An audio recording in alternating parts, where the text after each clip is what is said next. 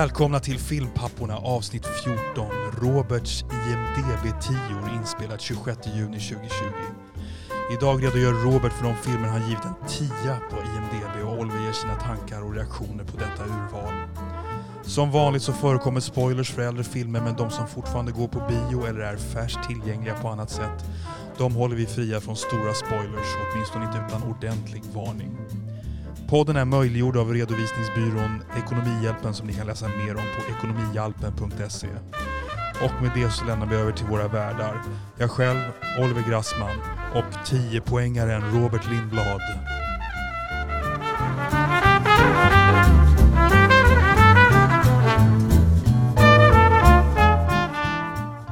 And we are live och tillbaka.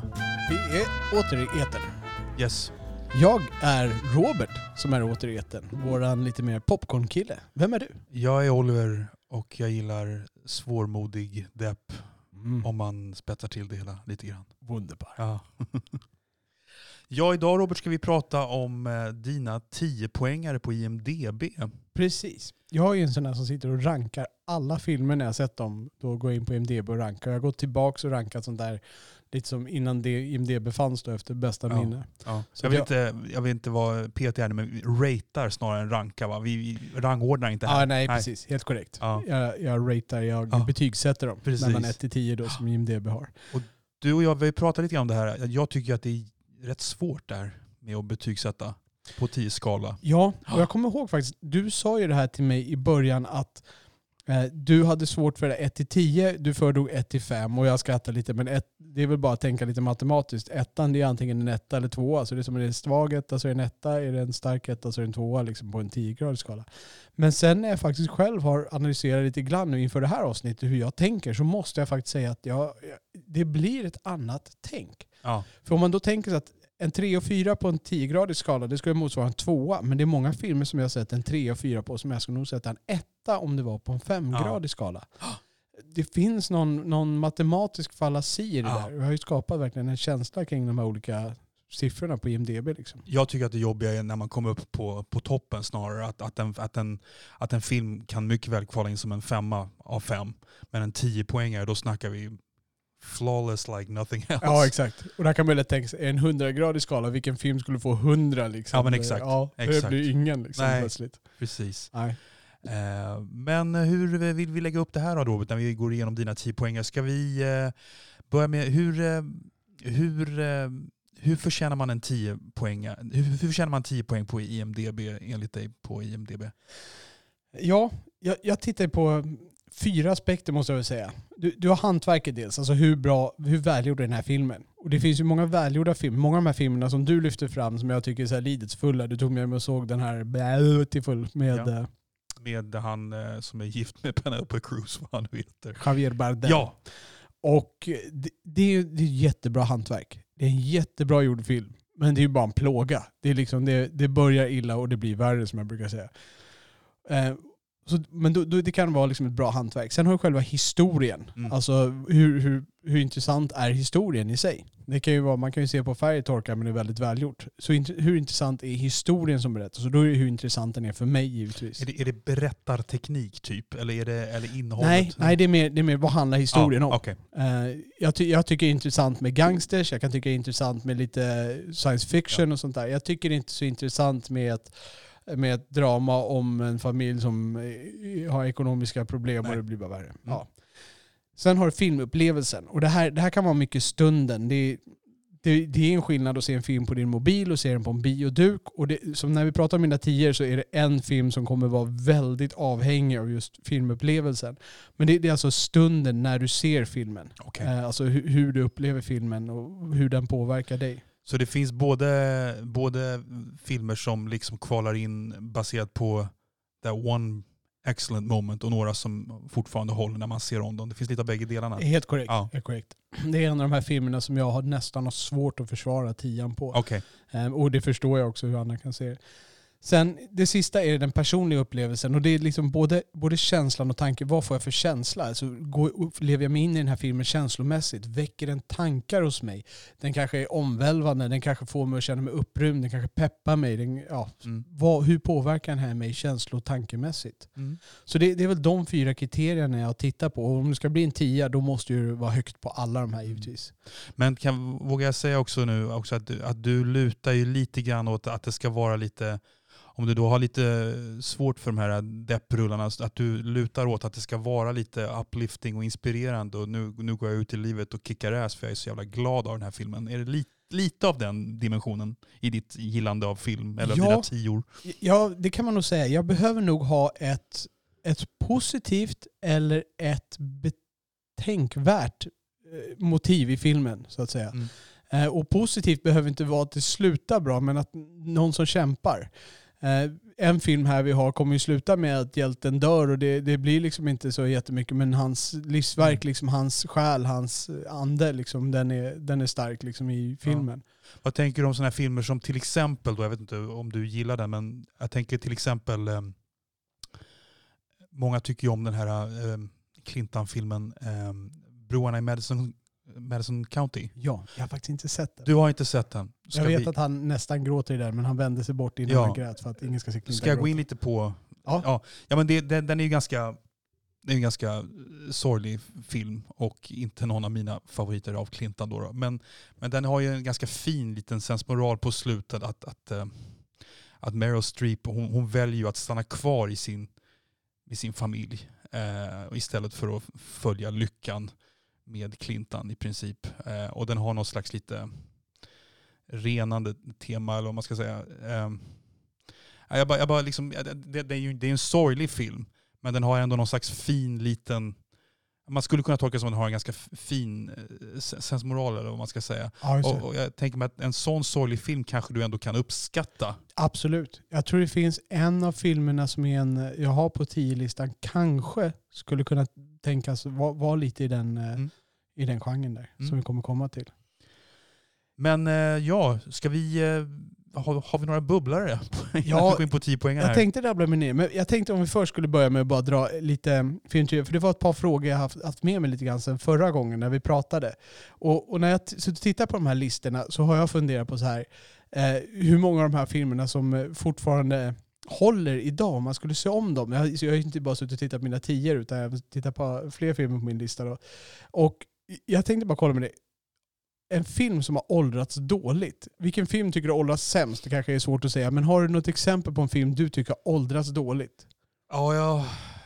Faktum är att jag, när vi pratade om mina svenska favoriter så lekte jag med att om jag eventuellt skulle ha med den här filmen på listan baserat på hur bra den var första gången jag såg den.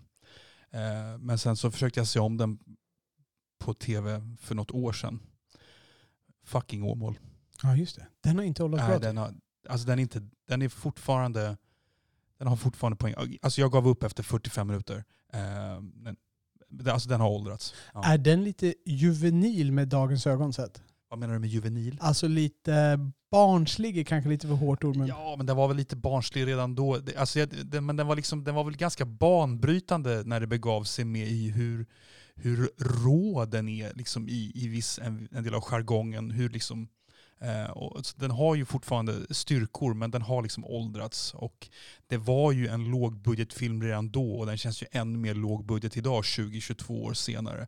Så att, det är ingen dålig film idag, men den har verkligen åldrats. För när jag såg den, jag, ja, den var ju fantastisk när det begav sig. Ja, visst. Jag kommer ihåg det också. Jag tyckte Ja. också om den mycket. Ja. Vad säger du själv? Ja, jag hade ju en film som jag har på bland mina nior som jag tänkte rabbla igenom sen. Och det är The Goonies. Det är nio poängare alltså. Ja, det, ja. Men det är ju nio poängare för, vad, vad var man, 12-13-åriga Robert? Ja, ja. Såg Eh, du den på video eller? Ja, jag såg den på video. Ja. Då, tror inte jag såg den på bio. Nej. Men det, det var ju en fantastisk film tyckte jag. Då han åkte linbana och spelade James Bond-melodin och allting var roligt, allting var knasigt, allting var spännande, allting var äventyrligt, det var skatter och det var allt när man kunde... Och nu när man sitter och tittar, man ser effekterna, man ser alla luckorna liksom i, i logiken och du vet, man ser med helt andra ögon. Och sen är det också en aspekt av eh, så här saker som var ganska acceptabla på 80-talet. Liksom, folk som dog och så här, de mördar ganska friskt i den där. Liksom. Det är folk som dör och det, det är ganska taskiga typer. Det är, liksom, det är mördare, det är råa mördare Mm. som jagar de ungdomarna. Men jag kommer ihåg det här, liksom, som, som en här häftig popcornfilm. De här går ju runt och dödar folk på riktigt, de här skurkarna i den här filmen. Ja.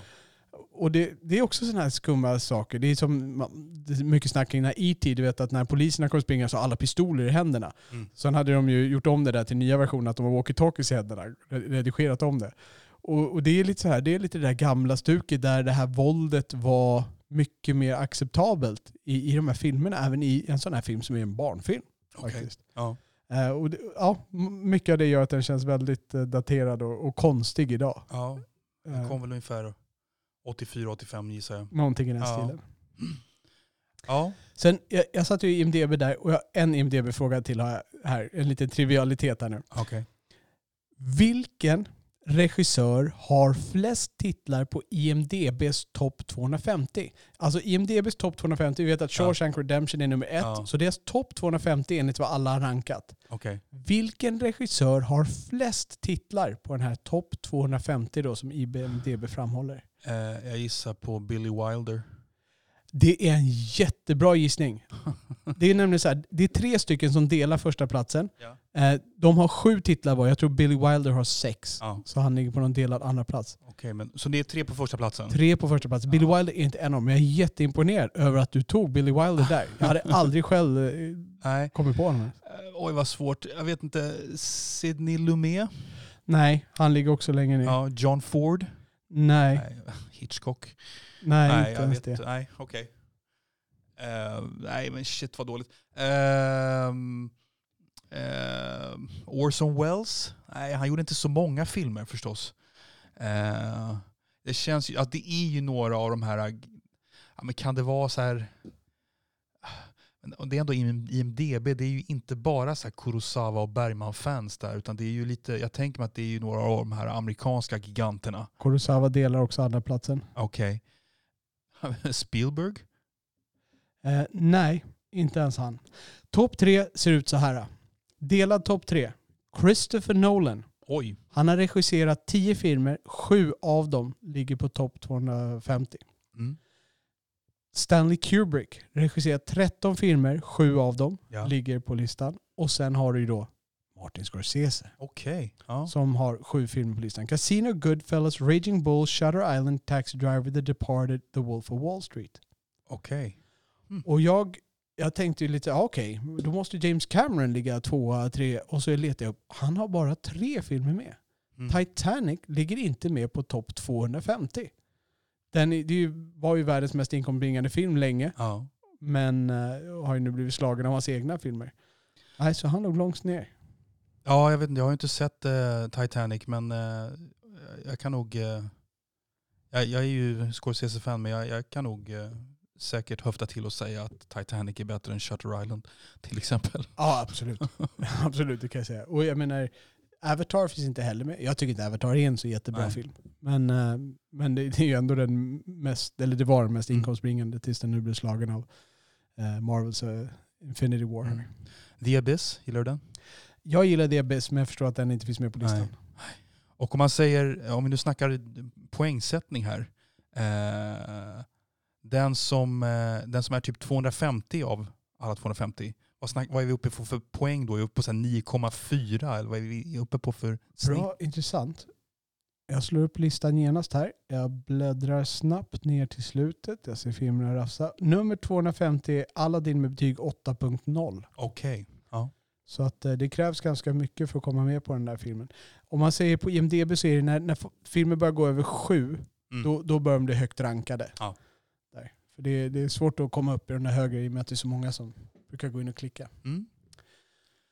Men åter till dina filmer då Robert. Ja. Eh, jag tänkte, för att ge lite kontext, så tänkte jag då ungefär som bubblare rabbla igenom de filmer jag har på nionde plats. Så det här blir ju då som en lista med, eh, med bubblare. Och jag tänkte bara rabbla den här får du hojta till om det är någon du tycker sticker ut.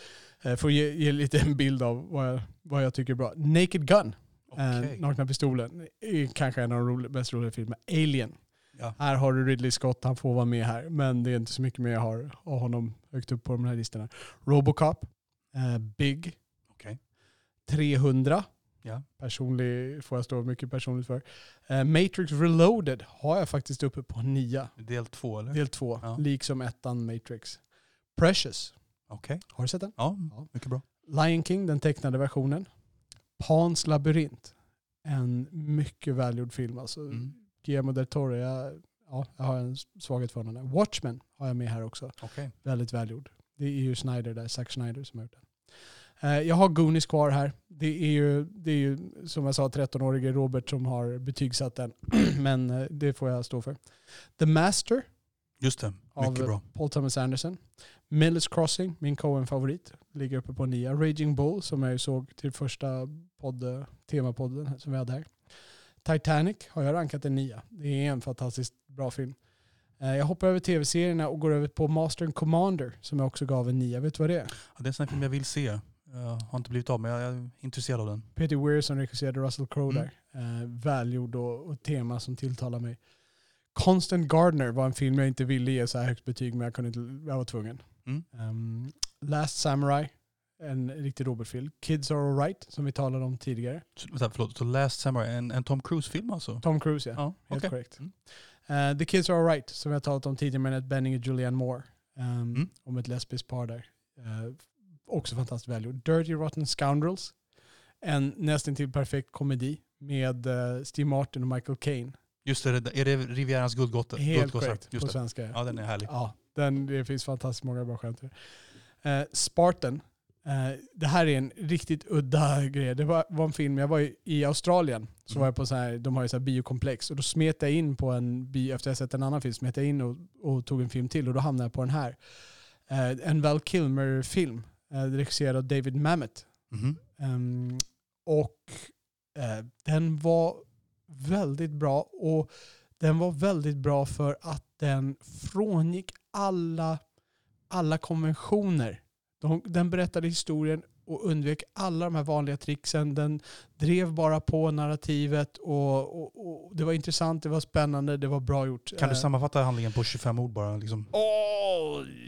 Nja, Nej. alltså han är någon CIA-agent som ska lösa problem. Jag vet inte om det är CIA exakt, men han är någon form av agent som ska lösa problem. Det är politiska komplikationer Okej, runt okej, omkring. ja. Eh, Dansa med vargar. Mm. Hamsun, Ja. som nu från senast. Gandhi. Okej. Aliens, så både Alien och Aliens har jag med här. Margin Call, en gemensam favorit vi har, Mm. har jag lagt på nia. Sjätte sinnet, tycker jag är en jättebra film, ligger med på nia också. Sen är det Batman Begins, eh, har jag med på nia. Det är den första Just det. Nolan-filmen. Mm. Eh, Big Short, ytterligare en film om eh, Mm. 2008-kraschen kan man Ja. säga. Inte i närheten av lika bra som Margin Call säger jag, men okej. Ja, jag ty- de är väldigt olika. Den här är ju mer, den här är mer informativ. Ja. Och jag, ja, jag tyckte väldigt mycket om den. Sen har jag en film som jag undrar varför den ligger här. Men jag måste ha tyckt om den när jag såg den. Men jag kommer inte ihåg, jag kommer ihåg vagt, vagt enstaka scener. Code 46 med Tim Robbins och Samantha Morton. Mm. Ehm, ja, jag, som sagt, jag kommer knappt själv ihåg den. Men där ligger den i alla fall. Mm. The Sting, Ja. klassiker. Life of Brian, Ja. en, en kanske perfekt komedi. Jag har Star Wars Episod 3, Revenge of the Sith. Det är det som rappar upp de tre, tre efterföljande efter de tre första. Precis, sista sequel, prequel-filmen ska jag säga det. Och sen har vi Seven. Mm. Eh, Snabba Cash har jag med där som är min favorit svenska film. Interstellar. Mm. All is lost av JC Chandor också. Så jag har två JC Chandor-filmer där Mm. som nio år. Med, där med Robert Redford, segelfilmen där. Och sen slutligen då Star Wars Episod 5, Empire Strikes Back. Okej. Så det är de filmerna som jag har lagt som nior som inte riktigt klättrar upp där. Och du kommer att märka att jag har ingen Star Wars-film Nej. eh, på Nej. min lista. Jag inser precis att din eh, episod 3 är alltså bättre än Star Wars och Jedins återkomst. Ja, Ja. Eh, så har jag lagt det. Mm. Ja. Och det, det är en del av filmupplevelsen. Det, ja, det, det finns ju mycket personligt i det här Mm. givetvis.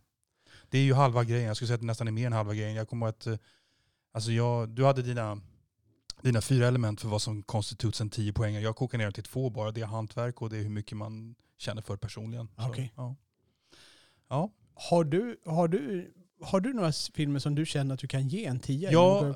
Ja, alltså jag har ju tänkt till lite grann inför det här. Jag har ju faktiskt tre filmer som jag skulle kunna ge en tia på IMDB. Det, det finns säkert fler, men det här är de jag kommer på. Ja. Eh, Taxi Driver som jag har nämnt ganska många gånger. Den känner att den är en 10. Ja. Mm. Ehm, Amadeus förstås, som jag ju nämnde som världshistoriens bästa film. Ja, just det. Eh, Då måste det Då måste vara en vara 10. 11. Ehm, och så Magnolia faktiskt. Magnolia? Ja. Okej. Ehm, jag vet inte om jag har sett, sett om den ehm, i sin helhet faktiskt. Men eh, det, är- det är en gripande film med så många intressanta öden. Jag tycker nästan är perfekt genomförd. Och jag, Ja. gillar hur de, jag gillar hur de spelar ihop med Amy Manns musik och allting. Det finns så många bra öden där. Och du har inga problem med att det regnar grodor? Jag tycker det är ganska coolt faktiskt. Ja. Det är för övrigt, ehm, jag tror att den där filmen är en liten tribute till ehm, Robert Altman någonstans. Eh, Robert Altman gjorde ju sådana liknande filmer med olika öden. Ja. Eh, och jag tror att Shortcut. Shortcuts och även en gammal 70-talsfilm som heter Nashville som jag skulle se om. Som kanske också är en potentiell 10-poängare. Eh, men det är väl de jag kommer på. En grej som jag blev lite nästan, jag hade kunnat se en timme till av Magnolia kände jag. Eh, du vet, det slutar ju bland annat med då att, att Tom Cruise pappa dör och Tom Cruise eh, går till något sjukhus där han ska typ hämta upp Julianne Moore som har försökt begå ett självmord. Och Julianne Moore är då Tom Cruise pappas nuvarande fru och som har ångest över allting. Kommer ihåg det? Och jag bara satt så här, shit, mötet mellan de två, det hade jag velat se, men det får man aldrig se. Nej, just det. Nej. Ja, det skulle jag också vilja se. Ja. Men var, var det hans fru? Okej. Alltså, Det var inte Tom Cruises syster utan Nej. det var... nej. Det Utan var eh, Jason Robards var ju, ja, alltså hon var ju typ lika gammal som Tom Cruise då. Ja. Men Jason Robards har ju typ har ju ångest över att han har försummat kvinnan han verkligen älskade som då var mamma till Tom Cruise. Att han bara på och varit en Hollywood-pimp och legat med massa förmågor all over the place. Okej. Och så eh, har han då blivit ihop med den här Julianne Moore som också bara har ångest över allting. Över hur- vilket förljuget, patetiskt liv de lever liksom. Ja. Så. Intressant film. Mm. Jag, hade en, jag gick och såg det med min kompis Björn. Ja. Jag kommer ihåg att han, han var tvungen att gå ut på toaletten. Och han gick ut liksom, när det var ett fullfjädrat drama. När han kommer tillbaks, då regnar det grodor. Och han liksom har gått in i fel salong. Liksom. Det, det är ett ganska konstigt Ja. klipp. Vad hände liksom? Varför regnar det grodor just nu? ja, verkligen. Ja. Så det är väl mina tre.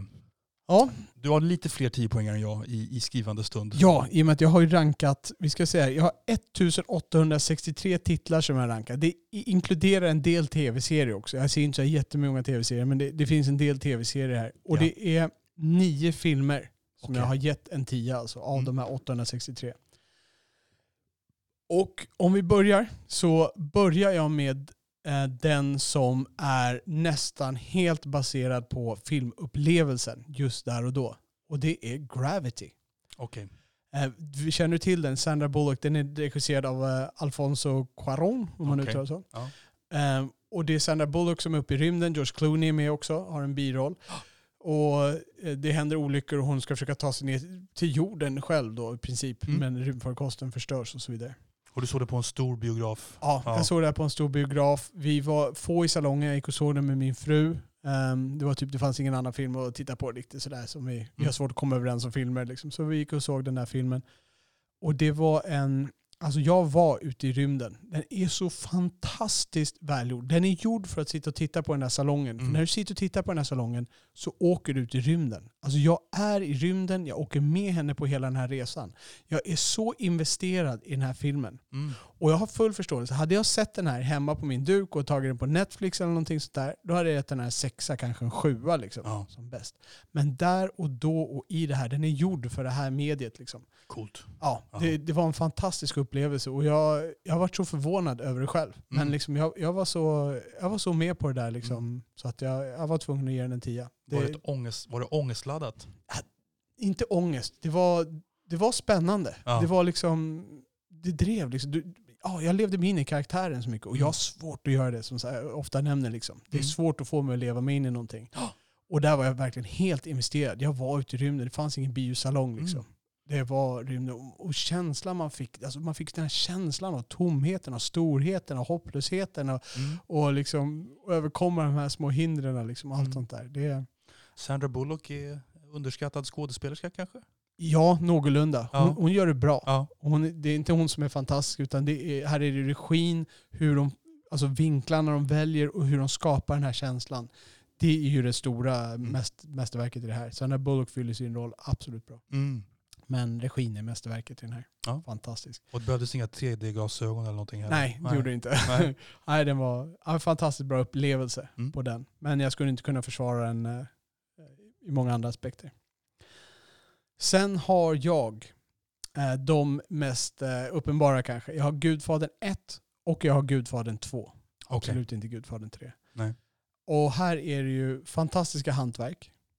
Båda två är ju kanske några av de mest välgjorda filmerna och de ligger ju högt uppe på IMDBs egna rankinglistor. Eh, Och de är också, det är ett ämne som tilltalar mig. Det är gangsterhistorierna, det är eh, dialogen är väldigt bra i de här. Mm. Och därtill handlingen. Det, det är ett drama som inte, man vet inte var det ska ta vägen. Det kan ta vägen lite var som helst. Liksom. Ja.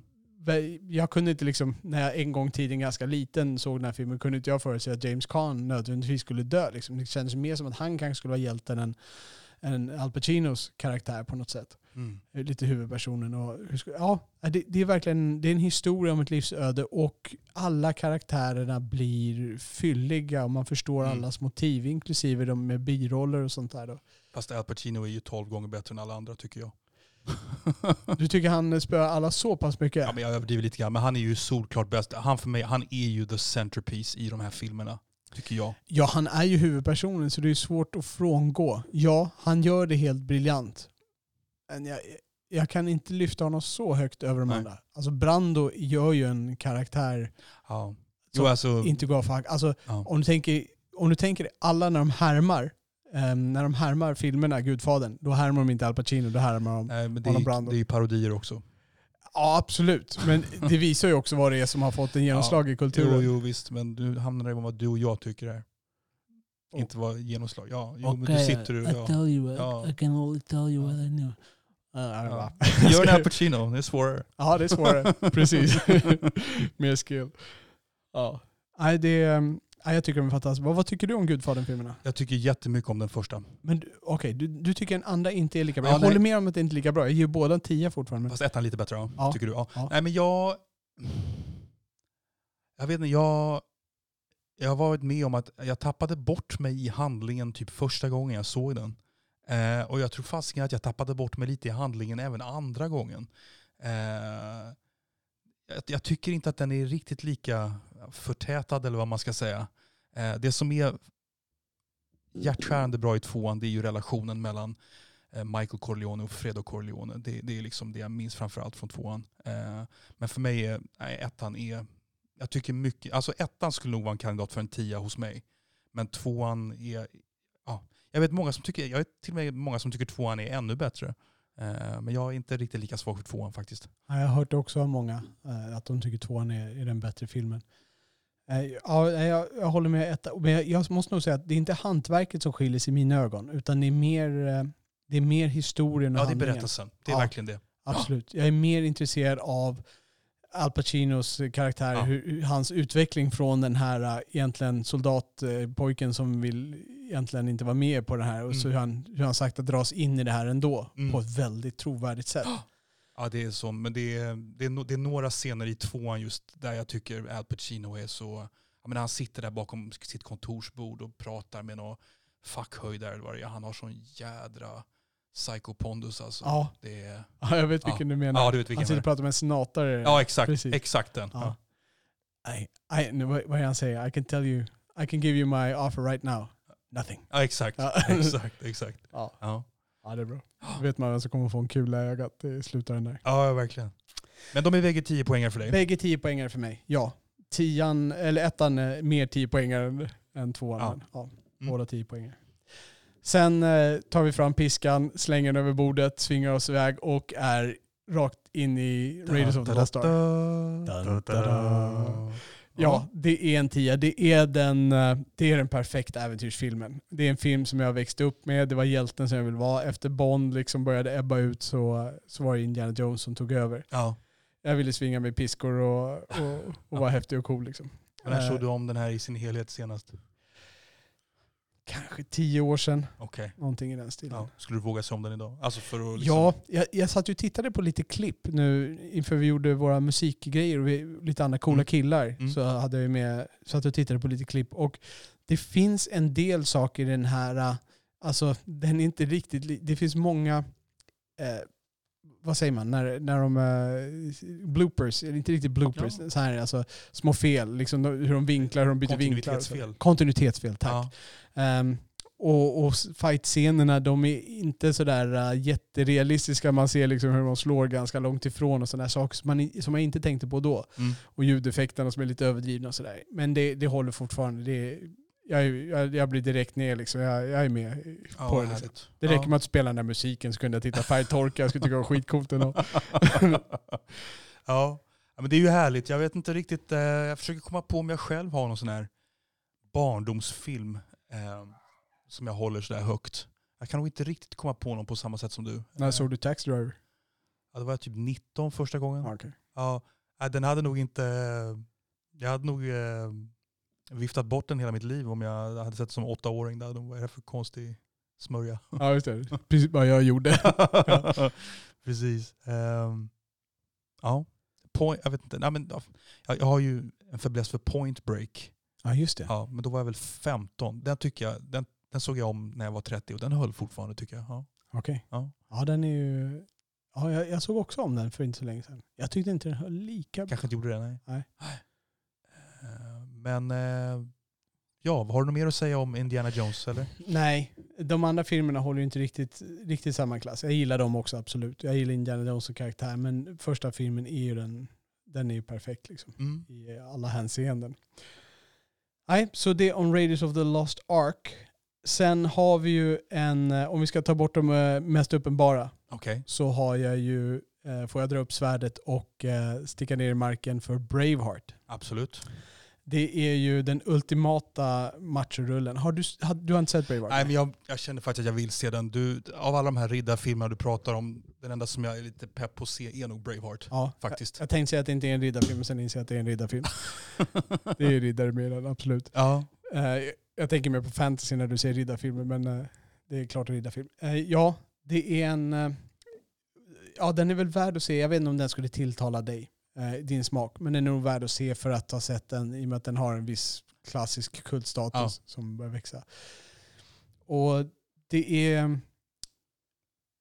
Det är en av de, jag tror jag nämnde det när vi pratade om vilka filmer vi hade gråtit till mest. I Mm. slutscenen av den, då kunde jag inte um, hejda mig. Och den, ja, den tilltalar min själ på något sätt. Det, Mm. det fanns en tagline till den här filmen som jag fortfarande har med på som, som jag brukar ha med på min egen lilla mission statement där. Mhm. Eh, not, every man dies, not every man really lives. ja, det är bra. Ja, och det, det, är lite, det är lite motto liksom, eh, som jag bär med mig och som den filmen, som den filmen illustrerar på ett sätt. Liksom. Okej. Eh, ja, den tilltalar min själ väldigt mycket. Eh, och den är också den är välgjord. Mel Gibson är en bra regissör. Ja, det går inte att komma ifrån. Otroligt begåvad man Ja. faktiskt. Och jag skulle så gärna vilja se mycket mer av honom. Jag har inte sett den här Sa- Hacksaw Ridge, men Nej. den ligger med på min lista Mm. också. Har du sett Eh, Apocalyptico? Ja, jag har sett dem Den är där. ju stenhård alltså. Ja, den är bra. Och Passion of Christ är bra. Man kan säga vad man vill om, eh, om budskapet i filmen och sådär, men det är en välgjord film. Det är en film med integritet, Mm. den är tight, den är vacker, den är ja, allt liksom. Vad fick den för poäng på IMDB? Den fick en åtta enligt dig eller? Ja, jag tror jag har letat en åtta. Ja. ja. Jag tror jag Apocalypto på åtta också. Okej. Och jag tror jag har Magnolia där med. Ja, alltså det är en, eh, det är en riktig Robert-film. Eh, Braveheart. Mm. Så om vi börjar gå in på de som är kanske lite mera eh, oväntade. Döda poeters sällskap har jag nämnt tidigare. Den har jag gett en 10 också. Och det är baserat på när du såg den som 14-åring? Ja, jag, jag tror nog jag kan stå för det ganska bra än idag. Och det, Är den så bra alltså? den är så bra för mig. Ja. Eh, det, det är en bra film generellt. Det, Ja. det är en bra film. Ja. Det, det kanske inte är jättebra för alla, men jag tror de flesta skulle tycka att det är en ganska bra film. Mm. Eh, Men för mig finns det mycket i budskapet. Alltså dels, är det, dels är det den här eh, känslan av det här sällskapet av pojkar. Liksom, hur de sitter i sin grotta, de gör de här grejerna tillsammans, sitter och läser den här poesin och de utvecklas tillsammans och utforskar tillsammans. Livet liksom. De ställer sig de här livsfrågorna egentligen liksom genom stora poeter men sen lever de ut de här livsfrågorna i verkligheten också. Mm. De måste ta ställningar liksom. Det, det är ju det här, liksom, ska han skvallra på sina kompisar eller ska han få smisk? Liksom. Det, det är ganska stora karaktärsfrågor. Och det, det är lite, det man kan fitta mycket i det här det är att det är karaktärsfrågor. Jag menar, Braveheart det är ju en karaktär, alltså han har ju en stark karaktär. Han driver på sin, Mm. sin agenda, eller vad man ska kalla det, sin vision. Liksom. Och samma sak är det här, det är mycket om karaktär. Här är det om karaktärsutvecklingen. Om de här pojkarna som de, gör de tar ett ställningstagande när han står upp för någonting. När han ställer sig då bokstavligt talat upp på bänken. Han vet precis vad som kommer hända. Han kan komma bli utslängd ur den här skolan. Slutscenen då när Robin Mm. Williams inne och hämtar några saker där. Och han, den här eleven ställer sig upp då, Ethan Hawke, på bänken och säger “Captain, my captain”. Han, han skiter i han, det viktigaste, det, liksom, han skiter i de andra sakerna där. Han står upp för Mm. det han tror på. Eh, och det, ja, där han tror rann några tårar ner för mitt eh, ansikte Mm. också. Det är, eh, ja, jag tror att det är budskapet i den filmen och känslan, upplevelsen om de här frågeställningarna Mm. på karaktärerna. Och, och det, finns, det finns ju flera livsöden i den och hur de hanterar det på olika sätt. Mm. Um, Jag tror inte jag har sett om den sen jag såg den på bio som 13-åring. Faktiskt. vad tyckte du när du såg den som 13 Jo men, ja, men den var väl bra. Jag var kanske inte så mottaglig för när det begav sig. Faktiskt. Eh, sen har jag förstått det som att eh, det här begreppet carpe diem, seize the day Ja, har blivit en aning förvrängt tror jag i den där filmen. Ehm, eh, alltså som jag, alltså det, det är någon, correct me if I'm wrong here, men det, det, det är väl typ i stil, jag läste någonting om det här. jag skulle ha, om jag visste att vi skulle prata om den här filmen skulle jag ha tagit med mig den här artikeln. Jag läste någon artikel om det här. Eh, alltså Robin Williams karaktär säger ju typ någonting i stil med Be, be marvelous, live life to the fullest eller vad det är han säger. Det, det är lite sån, såna budskap. ja det. Men det här, är- alltså, och det är helt okej att, att han förmedlar det och att liksom seize the day. Men jag har förstått som att det här latinska begreppet carpe diem, det handlar egentligen om någonting annat. Det handlar typ mer, om jag har förstått det rätt, eh, jag tror att det handlar mer om att typ vara, vara högst, högst närvarande i allt. Att liksom om du skalar ett äpple, gör det med hjärta och själ. Att, Lite ja, meditativt buddhistiskt. Ja, Ja. lite att, det, att just carpe diem, det begreppet på latin, står för någonting lite annat än vad filmen Ja. förmedlar. Men måste de sakerna, i, i, i min värld går det lite hand i hand. Ja, det går väl lite hand i hand. Ja. För Hur kan du fånga dagen om du inte är närvarande? Nej, okej, visst. Ja, jag ska leta rätt på den här artikeln så får Ja, vi... Ja. Det låter jätteintressant. Gör, gör gärna det Mm. och skicka den till mig. Mm. Kan vi debattera det lite på nästa. Så får jag se om filmen också. Ja. Bra, bra musik har jag ju sagt om tidigare till den här. Det är en slinga jag tycker om, som jag nog antagligen tycker om för att jag tycker om filmen.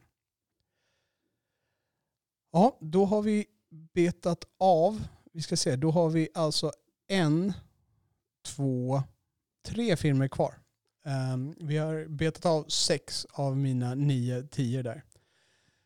Och jag har sedan en film som heter eh, Cloud Atlas. Mm. Och den här filmen vet jag inte hur mycket jag kan säga om. Jag Bröderna Wachowski, eller systrarna Helt Wachowski. Ja. korrekt, numera ska man väl säga systrarna Wachowski då. Och jag vet inte riktigt vad jag ska säga. Jag gick in och skrev efteråt en, eh, ett, eh, vad heter det, en, eh, inte en betygssättning, jag skrev en recension på IMDB Ja. om den här filmen. Och jag ville bara skriva en mening. For the message only. Alltså enbart för budskapet så ger den här en 10. Sen fick inte den här eh, recensionen vara så kort så jag fick fylla ut det med lite blajtext där nere bara. Så vad är budskapet?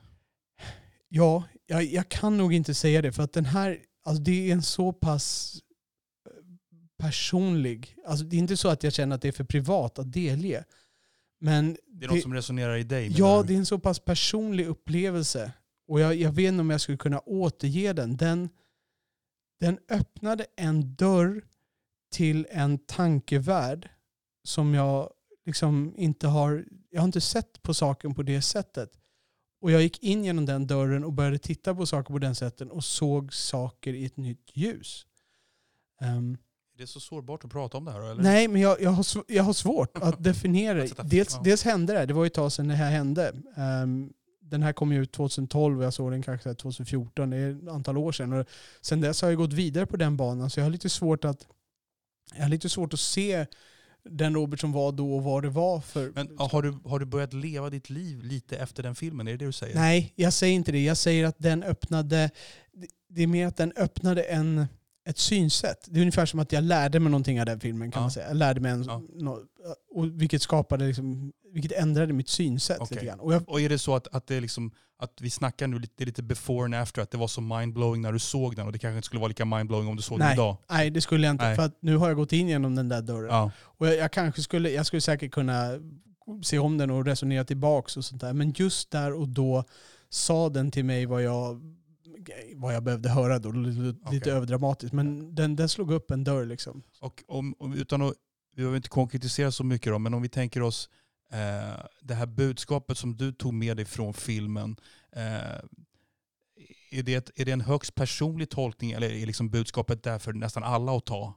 Jag tror att budskapet finns där för alla att ta men det behöver vara rätt stund och rätt person. Om du Okej. förstår. Så Ja. att, Du är the chosen one. ja, ja, inte riktigt så men eh, Nej men okej. ja, precis. Att jag, jag tror inte att budskapet är för alla. Men, Men det, det här budskapet budskap. var för mig. Ja, Ja, ja. exakt. Så det var ett budskap som passade mig. Filmen var ju ingen jättehit på bion där. Eh, Så att därmed kanske budskapet inte var för alla. Nej. Men Men det här är ju en, nu när du nu pratar om det slår mig, det här är ju någon slags kollaboration mellan bröderna Wachowski och Tom Tykwer, har jag för mig. helt korrekt. Ja. Mycket bra. Ja, Jag är Eh, imponerad av det hela ja tiden. men jag snappar upp sådana här fragment. Men jag vet andra som har pratat väl om den här filmen. Lite, ja, men lite smartare crowd faktiskt. Ja, du och Rickard som du känner bland annat. Ehm, men ehm, och det är kända skådespelare med va? Det är typ är det Hugh Grant och Tom, Tom Hanks, Hanks. Ja. Hal Berry, Ja. Hugo Weaving. ja. Och det, det är intressant. De gör, det är också intressant som ett hantverk för de har ju väldigt olika grepp. De går genom tiden, använder samma skådespelare i de olika tidsepokerna och de byter karaktärer och, och de byter också nationaliteter och sådana här saker och, Okej. ganska fritt. Och det, det kan tyckas konstigt men det fungerar. Det skapar den här... När man, sitter, när man går längs resan undrar man lite grann och sen för mig i alla fall i Ja. slutet så, så klistras allt samman och det är bara Mm. ja. Så att jag- jag, får be om ursäkt att jag inte kan förklara Ja, men det det här är- bättre. Men jag, som jag Jag sagt, tror det är bra att ha det här Ja. som en liten hemlighet och inte spoila. Jag tror det är jättebra Ja. faktiskt. här Som du, så som du säljer in den här nu. Ja, Men jag bara, en liten Ja. detalj bara. Hur, hur ser, såg liksom regifördelningen ut mellan Wachowski och Tykwer? Vet du det? ingen aning Nej. faktiskt. Ehm, jag har alltid sett det här som en Wachowski-film. Jag vet inte alls hur mycket Tykwer hade med det här att Nej. göra. Okej. Ehm, så att, eh, det kan jag inte svara på. Nej. Det kan Jag vet att du gillar Wachowski. Har- du sett andra grejer av Tom Tykwer också eller? Nej, jag, jag känner inte till honom så mycket. Nej. Vad har han gjort mer? Han, gjorde, han, har gjort, han är tysk regissör. Han har gjort Spring, Lola, Spring. Ja, just och, det. eh, Krigaren. Ja, han har gjort några bra tyska filmer. Sen gjorde han lite Hollywood. Han gjorde någon bedrövligt dålig film med Clive Owen. Heter den The International? Det kan ni göra. Det finns en Clive Owen-film som heter det. Jag tror att det är Tom Tykwer. Ja. Var det han som gjorde Parfym? Den här ja, jag tror det. filmen som helt, om någon som kan göra en parfym som får alla att bli helt förtrollade. Och sen, Ja, eller han, jag tror han... Han, han måste mörda någon ja, för att han, göra han parfym. känner dofter och dödar för att han blir äcklad eller vad det är. Något sånt. Ja. Ja. Jag har inte sett det själv, men det är Tom Tykwer i alla Ja. fall. Ja. Jag kommer ihåg, min fru såg den eh, och jag kom in och såg slutet på den där. Den var ganska stilistiskt intressant. Ja. Jag vet inte om jag skulle tycka om filmen som helhet, men stilistiskt intressant. Mm. ja men den, här, den här filmen blir jag rätt såld på, Cloud Atlas faktiskt. Ja, det är så? Ja, jag tror det. Ehm, även fast den är... Jag, jag, jag, jag spontant, jag kanske skulle bli lite rastlös av den, men jag kanske skulle kunna Ja. vara en utvald och ta till mig budskapet också. Jag tror att om man går in och förväntar sig budskapet så tror jag att det kommer funka. Ja. Det, det är tyvärr så. Men eh, ja, ja, det var min upplevelse av filmen i alla fall. Och därav fick den en tia. Ja. Sen har vi Hotel Rwanda. Mm. Har du sett Hotel Rwanda? Nej, men den har jag faktiskt velat se. Ja. Med Don Cheadle som jag nästan aldrig kommer ihåg namnet på. Nej. Eh, Även Nick Nolte är med. Joaquin Phoenix har en roll i den också. Och sedan givetvis en massa afrikanska skådespelare som jag inte kan namnet på. Nej. Eh, Det handlar ju, det är byggt på en sann historia om en, eh, om en manager, en hotellmanager som hade ett hotell där när Tutsis slogs mot Hutu i, i Rwanda. Mm. Och han använde det här hotellet. Det blev, dels blev det en liten tillflyktsort därför FN etablerar någon, eh, någon liten garnison där då så att de skulle vara skyddade där och så vidare. Och, men sen höll det där på att braka samman för FN ville dra sig ur och bla bla bla. Och det, det är här den här kampen står och han vill försöka rädda människor undan det här. Och det, eh, ja, det är också en sån här film jag blev helt hundraprocentigt emotionellt investerad i. Mm. Don Cheadle är fantastisk. Han är Mm. fantastisk i den här filmen. Mm. Och historien är, det- dels är baserat på en sann historia vilket gör att jag blir ännu mer investerad. Liksom. Och det är så välspelat, välgjort. Hon som spelar frugan i den filmen, hans fru eh, Sofie Okenedo eller något sånt där Mhm. heter hon. Eh, också jättebra. Um, birollerna är jättebra och, och spänningen oerhörd. Och jag, jag hade inte hört om den här historien så jag visste inte hur det, var det skulle gå. Liksom. Byggt på en sann historia eller? Ja, det bygger på Ja, sann historia. ja. Ja. Nej, så att, eh, det var också en sån här film jag såg med min fru. Eh, ja, där var vi rörande överens om att det var en bra film. Och eh, Ja. också återigen är det en karaktär. Alltså han, han visar karaktärsdrag. Han, det är ju en, det är en hjälte men absolut inte liksom alla Stallone eller, eller ens Braveheart och sådär. Men utan han visar karaktär. Och Ja. det, det är lite genomgående tema att man hittar i Ja. flera av de här filmerna på tian här. Man övervinner lite hinder inom sig själv typ. Man, Eller ja. precis, man, man ställer sig på, alltså man tar en, eh, man tar en personlig risk för Ja. att stå upp för någonting som man tycker är rätt. Helt enkelt. Braveheart, eh, Hotel Rwanda och även Döda poeters sällskap. Eh, inte ta en risk på alla, alla Arnold liksom som eh, Nej. alla skjuter. I could be shot but I could them all. Jag vet att ehm, han var ju Oscarsnominerad för den här rollen, ehm, Don Cheadle. Eh, men han förlorade mot eh, Jamie Foxx i Ray. Ja. Eh, Ja just det. Ja. Ja. ja. ja det var synd. Jag, jag måste säga att Jamie Foxx är väldigt bra i, i Ray. Ja. Så att jag, jag undrar honom det också. Mm. Jag skulle gärna personligen ha sett Don Cheadle. ja. Ja, Eh, då har vi en film kvar av en, eh, en av de mest spännande regissörerna idag. En av mina, jag måste nog säga, om jag skulle plocka ut vem är din favorit just i den här sekunden så kanske jag skulle säga honom. Christopher Nolan eller? Nej, inte riktigt. Jag, Christopher Nolan är absolut med på toppen där, men inte riktigt lika spännande som Dennis Villeneuve. Mm, just det. Som ju ska göra Dune nu, som jag är fantastiskt nyfiken på. Ja. Med han eh, Timothy Chalamet. Eh, Den filmen som jag har med här, vilken Dennis Villeneuve-film har jag med här Oliver? Ehm, Arrival? Ja. Mm. Min enda sci-fi-film på den här. För det är ju så här, trots att jag, jag tittar ju mycket på sci-fi, eh, men det är ju det är ju sällan de filmerna är så där jättebra. Mm. Så, så jag hade två Star Wars-filmer där på, på niorna och sen har jag den här på tian. Jag hade säkert kanske någon annan sci-fi-film där på Mm. niorna. Jag vet inte. Men det är inte så många sci-fi-filmer jag tycker är så jättebra. Men däremot så är det ofta koncept som intresserar mig och som stimulerar mig. Mm. Men Arrival är en, det är en, kan man säga på svenska, cere- cerebral film. Ja. Alltså en intellekt, om jag säger intellektuell blir det fel. För det, då känns det som att det är en beläst film. Men det är cerebral film.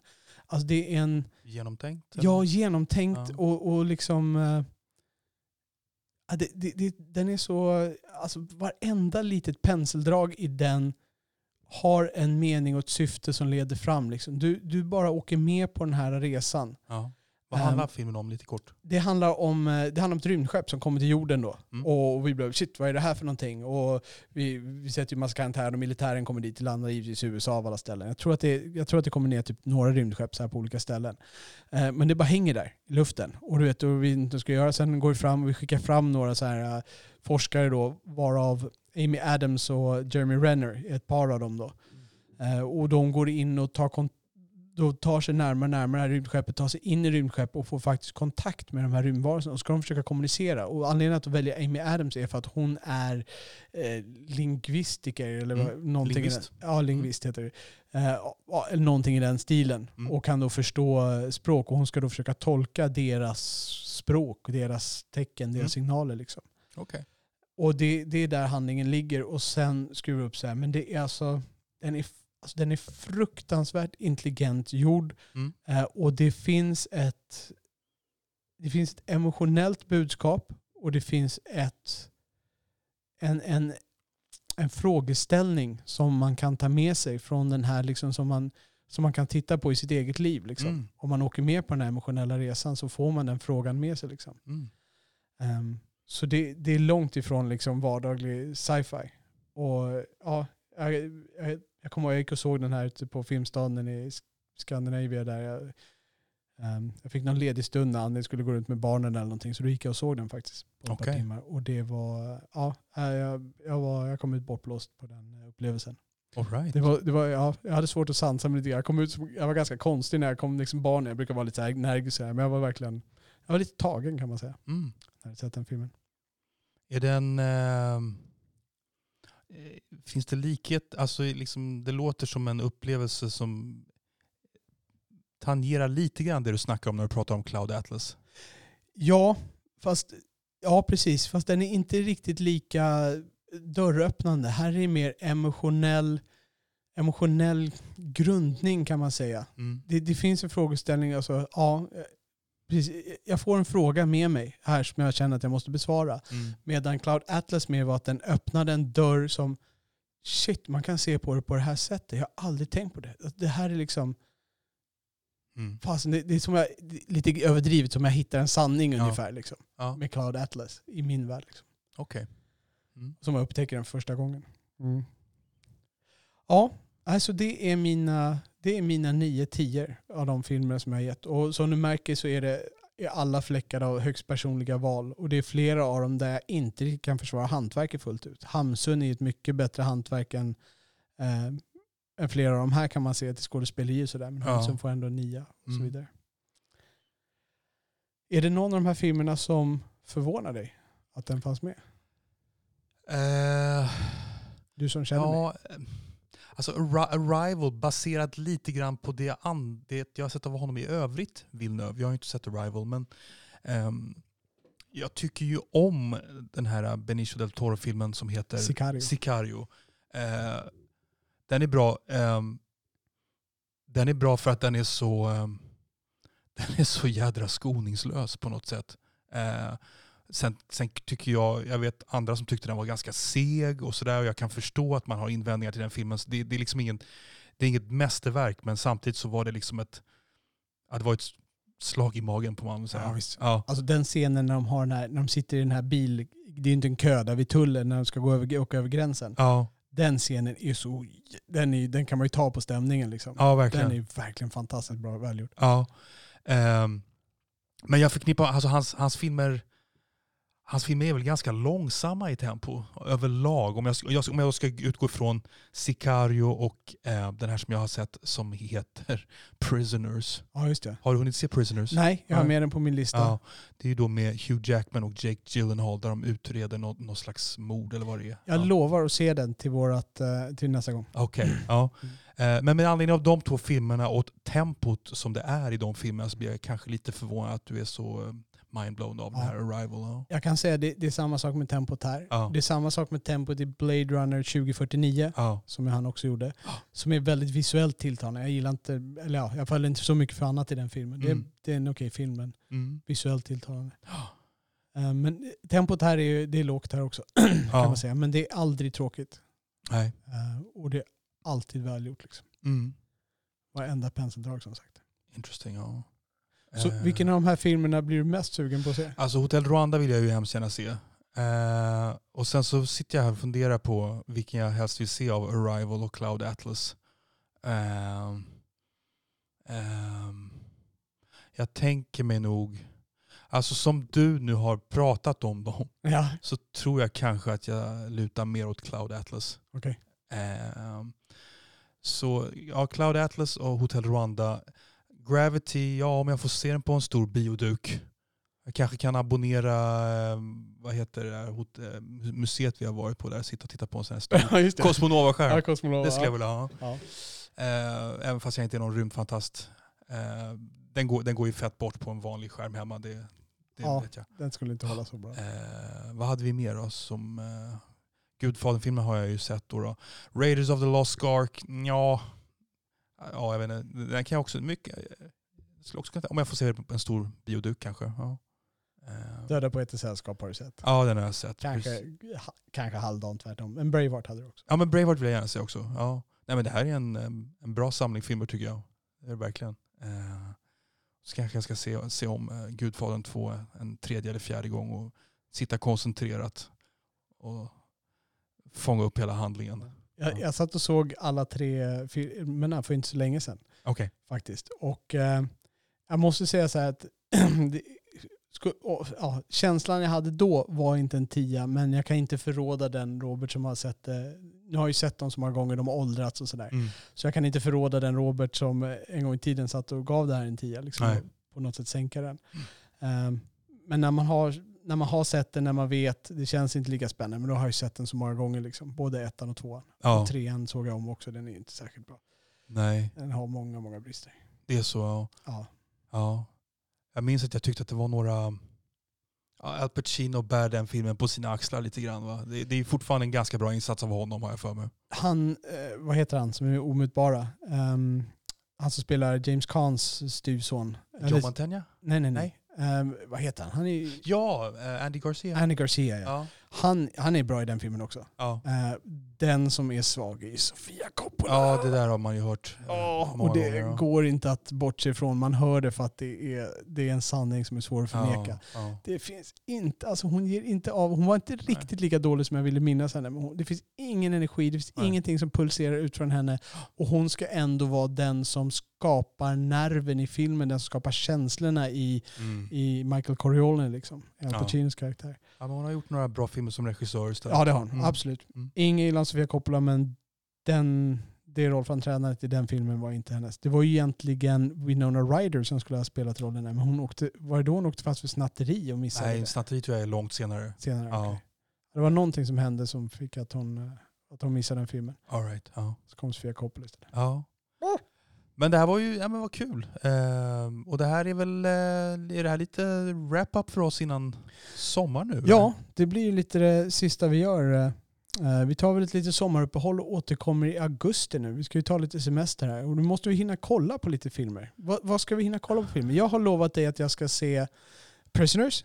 Ja. Ehm, och sen har jag ju kvar, sen, eh, som vi nämnde förra veckan, så eh, vill jag ju se They shall not grow old. Just det. Eh, så den ska jag också se till att ha sett. Och- Farmageddon. Ja. Farmageddon. Ja, den, den blir när barnen vill det. De valde en annan film på fredagen. Vi har fredagsfilm då. Men den, den kommer någon fredag kan jag Ja. garantera. Vet du vilken film jag tänkte se-? Jag vet inte om min son är för liten för den. Men det är en sån här tecknad film jag missade för 12 år sedan. Ja, berätta. Wall-E. Ja, jag har inte heller sett den. Nej. Ja, men jag undrar, alltså våra barn är ungefär lika gamla, våra äldsta söner. Ja. Eller ja, får alltid för mig. Men du, Men Din, min son är ju, du, ja, du har ju, han är ju mitt emellan dina. En är två år äldre och en är två år yngre. Ah, Okej, det är så det är. Ja. Jag glömmer alltid bort Jag blandar ihop allas barn. Men när jag säger det så kommer jag ihåg att jag har fel. Um, ja, just det.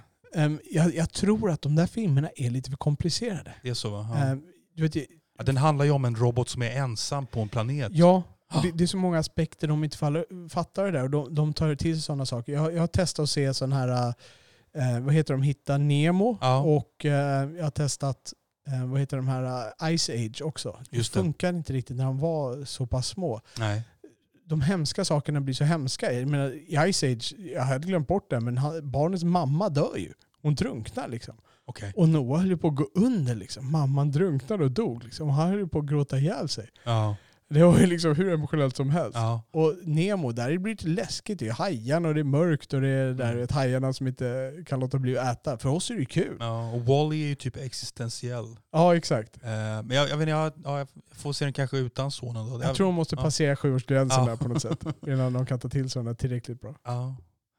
Eh, nej men det finns ju, eh, vi har ju pratat om det ganska mycket, jag tycker ju att det var ju lite kul faktiskt det här med just One False Move, att man, jag då, jag var ju tvungen att kämpa lite för att se den. Jag var ju tvungen att liksom, först, Kämpar det tekniskt. ja tekniskt, jag var liksom tvungen att rota fram en gammal sketen dator för att se den här jädra filmen. Ja. Det var den vi såg i förra podcasten. Ja, nämna. precis. Ja. Tack för förtydligandet. Ehm, men jag, jag tycker generellt det är ju den här ständiga tillgängligheten på, på allt i de här... Ja, man har Viaplay och man har HBO och man har Netflix och man har SVT Play och det finns hur mycket som helst att titta på.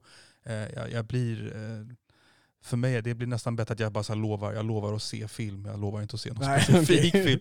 Det är, när, jag, när, jag, när jag har allt det här att välja på, då tänker jag ofta på en Prince-låt. Eh, en låt som heter Scandalous. Jaha. Och jag tror att Prince, eh, jag vet inte riktigt vad Prince, jag tror att jag fattar vad Prince eh, menar när han sjunger det här, men jag har valt min egen lilla tillämpning. Eh, apropå det här då, han sjunger så här I got so much on the menu. Ja, just det. Så känner jag inför allt det här. Jag, vet liksom, ja, men jag kan se på den, jag kan se på den, jag kan se på den, jag kan se på den. Vad. Ja, vad ska jag göra? Ja. Äh, jag kollar på en annan. Ja precis, jag kollar på ett YouTube-klipp där Ja, Oscar exakt. de la Hoya alltså, highlights. You know. kan du lova att se en av mina tio till nästa gång? Till, till mitten på augusti eller vad det blir. Ja. Ja, precis. Ja, en utav dem. Lova en. Ja, Ja, absolut. lova en. Jag lovar. Perfekt. Yes. Det har vi mycket spännande att höra. Och det, det får inte vara någon jag redan har sett. Då, eller? Nej, exakt. Det får inte vara någon du redan har sett. Måste se någon. Ja, ja, men det ska bli kul. Ja, jag, blir, jag är fett nyfiken på Ja. att höra dig. Är, ja. Ja, men bra. Eh, om man vill eh, höra av oss, vi, vi kommer väl twittra lite grann, så man kan följa oss på Filmpapporna. At, at filmpapporna. Precis. Och eh, man kan, ni kan fortfarande lämna kommentarer. Jag kommer nog lägga ut några eh, filmrecensioner där när jag ser filmer under sommaren för att få lite utlopp för film, filmeriet även när jag sitter ute i segelbåten. Eh, ni kan fortfarande skicka feedback i kontaktformuläret, eh, hojta till. Vi, vi funderar väl på att spetsa till vårt koncept lite grann. Bara tweaka det, eller finjustera det lite grann där Ja. kanske tills vi börjar. Har ni några tips vad ni skulle vilja ha mer av? Vad ni skulle vilja ha mindre av? Eh, vad ni tycker man kan justera lite grann. Dra gärna de tipsen. Vi behöver lite feedback här. Eh, vi sitter bara och lyssnar på oss själva och tycker vi är bra där. Och vi får bra feedback från många lyssnare. Mer sånt. Vi vill ha mer sånt. Eh, så skriv gärna på hemsidan. Eh, gå in och skriv kommentarer. Skicka via, eh, via kontaktformuläret där. Och podden hittar ni i de flesta appar. Saknar ni någon app, skicka i kontaktformuläret på hemsidan så lägger vi upp den där också. Med det Oliver, ska vi önska våra lyssnare en glad sommar? Ja, glad sommar och eh, låt oss hoppas att värmen håller i sig. Ja, så att det inte blir allt för många Netflix-dagar inregnade i stugan. Precis. Glad sommar till dig Oliver. Glad sommar Robert. Glad sommar alla lyssnare. Ha det bra nu. Ciao. Ciao.